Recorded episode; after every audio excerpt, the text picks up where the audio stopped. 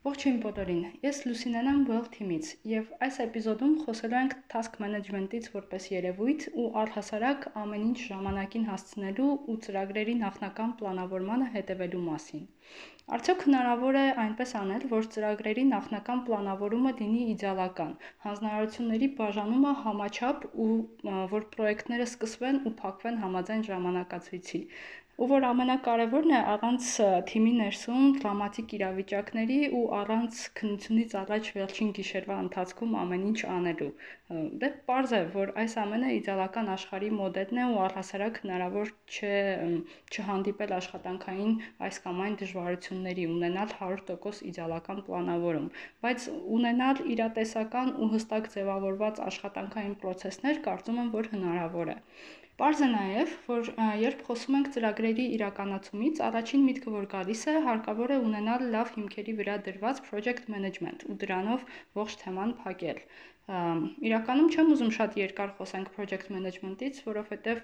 դրա մասին շատ ավելի պրոֆեսիոնալ աղբյուրներից կարելի է կարդալ, լսել ու սովորել։ Ուղղակի երկու բառով ասեմ, որ շուկայում առնչվում ենք դրա երկու հիմնական տեսակների՝ classic management-ին, որին անվանում են waterfall, եւ որով շատերս տարիներ շարունակ աշխատել ու առաջնորդվել ենք եւ համեմատաբար նոր մոտեցումը, որը կոչվում է agile եւ որը շատ ավելի դինամիկ ու այսպես պատվիրատուի հետ ավելի ճկուն կապ ապահովող project management-ի տեսակն է։ Եթե խոսենք waterfall-ի մասին, այն ունի 5 հիմնական ու այսպես տրամաբանական իրար հետ կապված փուլեր՝ նախաձեռնում, պլանավորում, իրականացում, մոնիտորինգ եւ փակում։ Գրեթե վստահ եմ, որ շատերին այս հաջորդականությունը ծանոթ կթվա, անգամ եթե երբևէ չեք առնչվել waterfall տերմինին։ Այս մոդելի հիմնական խնդիրը իրականում իր ժամանակատարությունն ու պատվիրատուի հետ օպերատիվ կապի պակասն է։ Այդ է պատճառը, որ վերջերս, վերջերս ասելով 90-ականներից հետո առաջ է եկել agile կոչվածը, որը իրենից ներկայացնում է անդադար հետադարձ կապերի շղթաներ կամ անգլերեն ասած feedback loops։ Հետադարձ կապ ծրագրային թիմի եւ ղեկավարի միջև հետադարձ կապ հանձնարարությունը իրականացնողի ու թիմի, թիմի ղեկավարի եւ պատվիրատուի եւ այսպես շարունակ։ Զարմանալի չէ, որ այս մեթոդով առաջինը սկսել են աշխատել IT ընկերությունները, քանի որ իրենց աշխատանքում waterfall մոտեցումը առաջին հերթին շատ ժամանակատար է եւ Եթե պատվիրատուն հանկարծ որոշի ինչ-որ փոփոխություն անել կամ չհավանի արդյունքը, նաև շատ ռեսուրսատար է ամբողջական է այսպես փոխել ու նորից ադապտացնել պատվիրատուի կարիքներին։ Եվ Agile-ը այս պարագայում հնարավորություն է տալիս ավելի արագ ադապտացվելու, տեղեկատվությունը վերլուծելու եւ փոփոխություններն իրականացնելու համար։ Իսկապես չեմ ուզում երկար խոսել սրա մասին, որովհետև սա մի ոլորտ է, որը չես կարող մեկ ոդքասթի շրջանակում ամբողջությամբ վերլուծել։ Ամեն դեպքում, անկախ project management-ի ընտրված մեթոդից, հանձնարարություններ անելն ու դրանք ժամանակին ու որակով անելը ոչ միտեղ չեն կորում։ Ինչպես եւ բոլոր ընկերություններում ու թիմերում, մենք էլ մեր թիմում ունենք տարբեր տեսակի պլանավորման գործընթացներ։ Պարզ է, որ յուրաքանչյուր ծրագրի համար գծվում են ժամանակացույցներ, առանձնացվում են առաջնահերթությունները, բաժանվում են թասքերը ու այսպես անելիքների ցանկերը։ Չեմ կարող ասեմ, որ մեր թիմը առաջնորդվում է օրինակ միայն waterfall-ով կամ մենք անում ենք միայն agile project management մասնագետների համար գուցե մի քիչ տարօրինակ թվա այն ինչ ասելու եմ, բայց մեր փոքր թիմի առավելությունը այն է, որ կարողանում ենք ամեն մի մեթոդից վերցնել ինչ որ մի բան, որը մեր համար կիրառելի է, այսպես միքսել իրար հետ ու ստանալ հենց մեր թիմի համար անհրաժեշտ մի հատ ընդհանրական տարբերակ։ Եկեք փորձեմ ավելի հստակ բացատրեմ, թե ինչի նկատի ունեմ։ Ծրագիրը նախապատրաստելիս մենք պատվիրատուին ներկայացնում ենք հստակ ժամանակացույց այն հիմնական անելիքների, որոնք կարող ենք անվանել այսպես milestone-ներ։ Պատվիրատուին կոմունիկացվում է, թե աշխատանքի որ փուլերում է պահանջվելու իր ներգրավվածությունը եւ ինչ ժամանակացույց է դա իրենից ներկայացնում։ Եթե վիզուալ պատկերացնենք, դա մեր բոլորի այդպես ծանոթ ու սովոր Gantt chart-ն է։ Իսկ թիմի ներսում պլանավորումն ու հանձնարարությունների բաժանումը արդեն դրիվ այլ տեսք ունի։ Ու կարծում եմ, որ մեր մեր թիմին նման ուրիշ այլ այսպես փոքր թիմեր դրիվ նույն կերպ են բաժանում իրենց task-երը։ Հիմա բացատրեմ, թե ինչ են կանում։ Քանի որ միշտ միանգամից մի քանի ծրագրերի վրա ենք աշխատում, նախ ընդհանրական օրացույցի վրա բաժանում ենք խոշոր վերջնաժամկետները ըստ ծրագրերի, որ տեսնենք, թե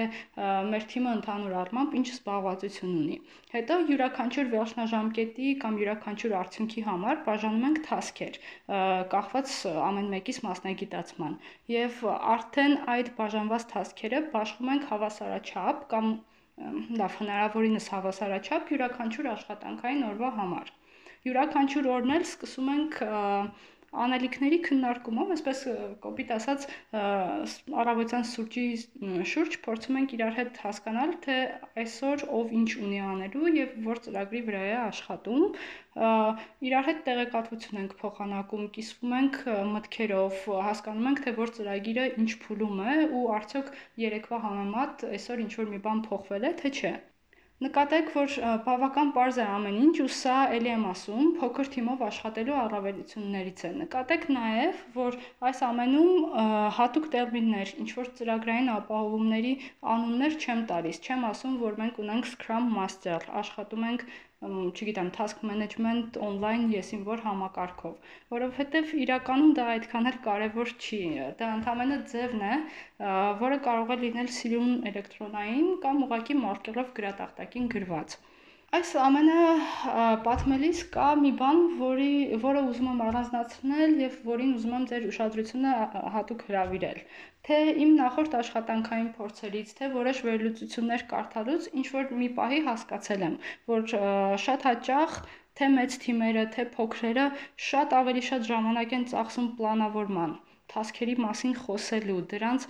վերահսկելու վրա, քան իրական գործը անելու։ Պարզ է, որ պրոդուկտիվության չափման մեթոդներից մեկը ժամանակի վերահսկողությունն է, բայց հատկապես ստեղծագործական աշխատանքով զբաղվող մարդկանց համար այս մոտեցումը ուղղակի սարսափելի է։ Սարսափելի է նաև այն, որ հաճախ երբ այդքան շատ ուշադրություն է դարձվում task management համակարգում տողերի դիմաց են ամեն օր բոլոր գալչկաները լրացնելուն, աշխատակիցը բարի բուն իմաստով կտրվում է ծրագրային իրականությունից։ Ամեն օր տեսնում է ուղակի անելիքների ցուցակ, որը պետք է վերջացված լինի մինչև երեկո։ Այսինքն փորձեք պատկերացնել, թե ինչ եմ ասում, կորում է այն կոնտեքստը ու մեծ պատկերը։ Մարդը հոգեբանորեն կենտրոնանում է միայն այն այս կարճաժամկետ անելիքների վրա, այլ դադարում է տեսնել, թե ինչ մեծ նպատակի համար է ծառայում իր ամենօրվա աշխատանքը, առհասարակ ինչի համար են արվում այս բոլոր գործընթացները։ Նմանատիպ մոտեցումը իրականում ուղիղ ճանապարհ է դեպի ռոբոտացման ու դեմոտիվացիայի։ Հավատացեք, ինքս եղել եմ նման իրավիճակում, կարծում եմ, որ գործընկերներս էլ են եղել ու հաստատ այս ոդքասթը լսողներից էլ շատ շատերը կհասկանան, որ իրենք էլ են կյանքի ինչ-որ փուլում նման իրավիճակում եղել։ Դրա համար մեր թիմում ունենք մի շատ པարս, բայց չեմ ամաչի ասել, որ հիանալի մոտեցում։ Միշտ աչքի առաջ պահում ենք մեծ պատկերը, այսինքն այն վերջնական արդյունքը, որին ուզում ենք հասնենք։ Քիչ է որ դրանք այսպես վիզուալ կերպով գրված են մեր գրատախտակին, մենք նաև բոլոր թիմային քննարկումներին չենք դադարում իրար իրար հիշեցնել, որ թե ինչ կոպիտ ասած ինչ զգացողություններ ենք ունենալու, երբ այս կամ այն արդյունքին հասնենք։ Եկեք པարզ բացատրեմ։ Ես գիտեմ, որ երբ ձայնագրեմ այս էպիզոդը ու մոնտաժեմ, այն լինելու է երրորդ սեզոնում 6 էպիզոդներից մեկը, որը կկարողանանք հնարավորինս շուտ հրապարակել ու հաստատ ինչ որ մեկին օգտակար կլինի ու այդ գիտակցությունը ինձ այսպես կտրում է այս process-ի զուտ տեխնիկական լինելուց ու ահավոր շատ մոտիվացնում է մեկ ուրիշ բան, որ այսպես մեր թիմում հստակ է, մենք քննարկումների ու իրար վերահսկելու համար